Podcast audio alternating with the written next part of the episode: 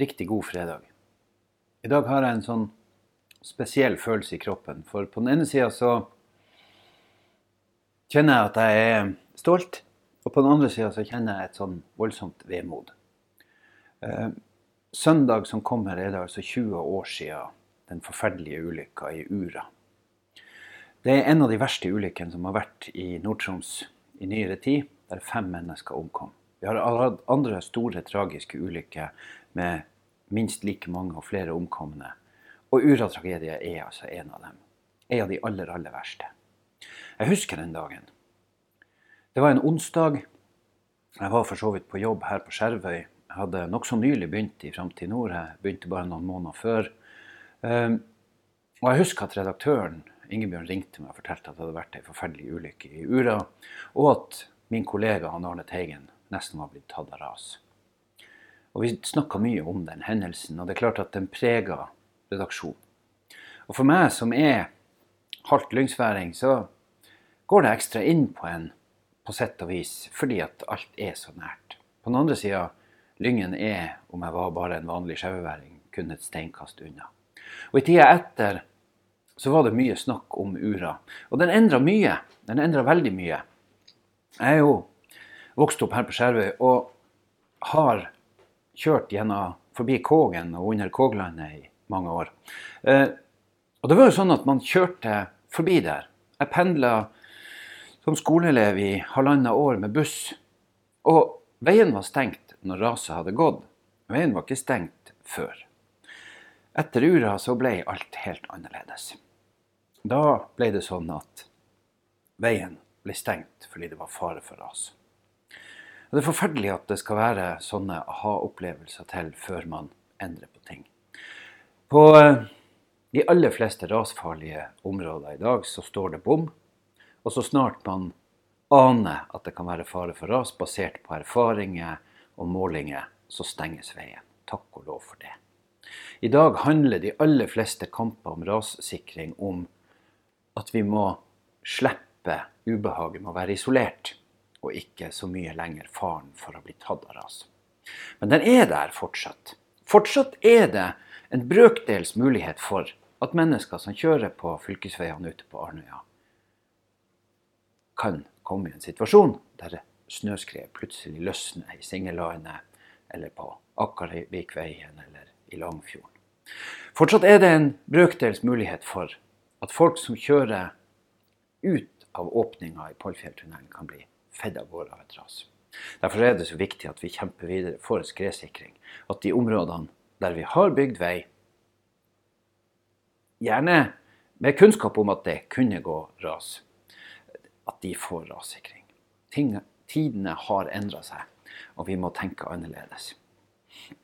Og så er det jo sånn at besteforeldrene mine forfedrene våre bygde veier på plasser de visste at det var rasfarlig. Men så tok man også sine forhåndsregler, og så kjørte man ikke der. Og Så endrer tiden seg, og så kommer det andre krav, og så står vi i en annen situasjon. Det er en annen tid, heldigvis, enn hva for bare 20 år siden. Og vi har lært masse, masse etterpå.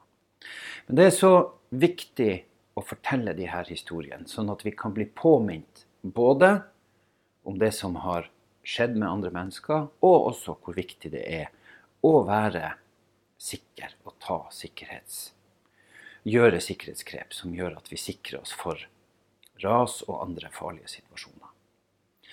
Derfor er jeg så uendelig takknemlig overfor bl.a. han Ole Isaksen Skogmo og han Gjermund Jensen.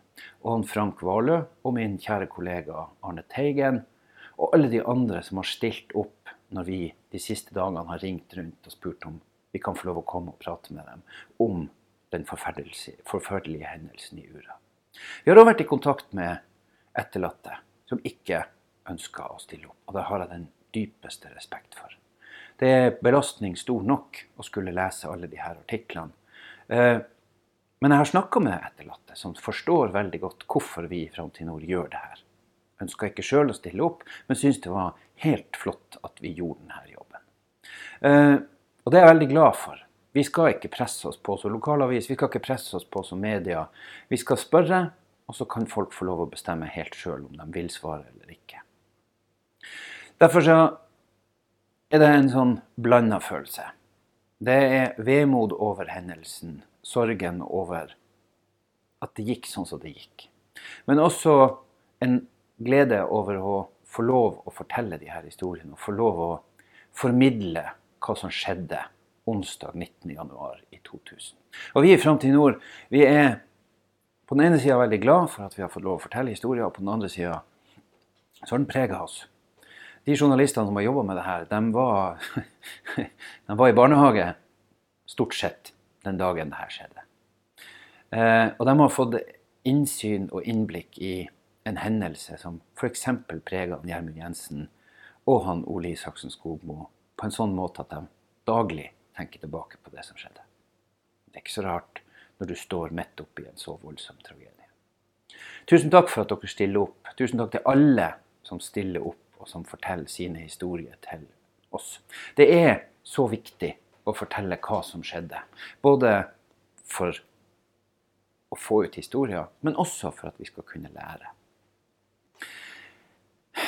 Jeg håper de her historiene som er på trykk i dag, og som vil bli publisert utover helg, gjennom helga Vi skal også komme med noen videoer, noen levende intervjuer med et par av de menneskene vi har snakka med. Jeg håper at de kan lære dere og oss litt mer både i forhold til hvordan det er å være menneske, og også hvordan vi er nødt til å handle og tenke for at vi skal sikre oss sjøl og forsikre oss om at ting er trygt. Igjen, tusen takk til dere som har fortalt historier. Og så ønsker jeg dere alle sammen ei riktig, riktig god helg. Og skal dere ut og kjøre, så kjør endelig pent og forsiktig, og husk nå å bruke refleks. Og så høres vi igjen. God helg.